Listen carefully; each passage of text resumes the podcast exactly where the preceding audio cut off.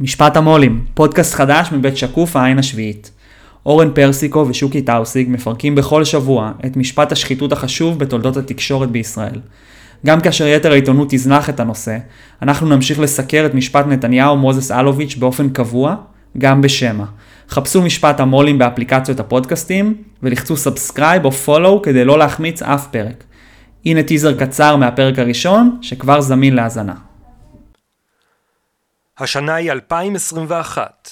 חמש שנים אחרי שנפתחת החקירה, מגיע שלב העדויות במשפט השוחד, מרמה והפרת אמונים של ראש הממשלה נתניהו והמו"לים אלוביץ' ומוזס.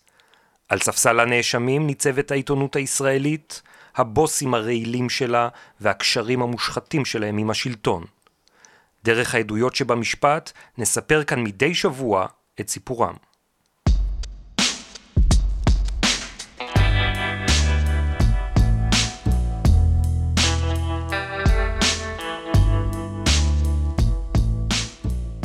אז ניצבת אה, עורך דין יהודית תירוש, מישהי הפרקליטה שמבצעת את החקירה של ישוע מטעם התביעה, והיא מתחילה בתיאור ימי התום. אה, ישוע, מנכ"ל אה, וואלה, מדגישים שם האתר by far מספר אחד בישראל, מעל שני מיליון יוניקים ביום, ומשם כמו שאומרים, הכל מידרדר. בוא תספר לנו. נכון, ישוע מספר שבתחילת הדרך אה, שלו בוואלה לא היו שום התערבויות. אה, א', אלוביץ' לא היה אז הבעלים היחיד, היו עוד כל מיני שותפים, החברה גם הייתה ציבורית, כך שממילא היה עליה יותר פיקוח.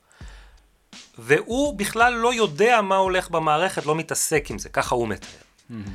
הדברים האלה משתנים בסביבות שנת 2012, כאשר שאול אלוביץ' הופך לבעל השליטה היחיד בחברה, מוחק אותה מהבורסה. מוציא את השותפים, שזה בין השאר עיתון הארץ. נכון, ורואה את הפוטנציאל שיש בכלי התקשורת, איך הוא יכול לשרת אותו בעסקים האחרים שלו.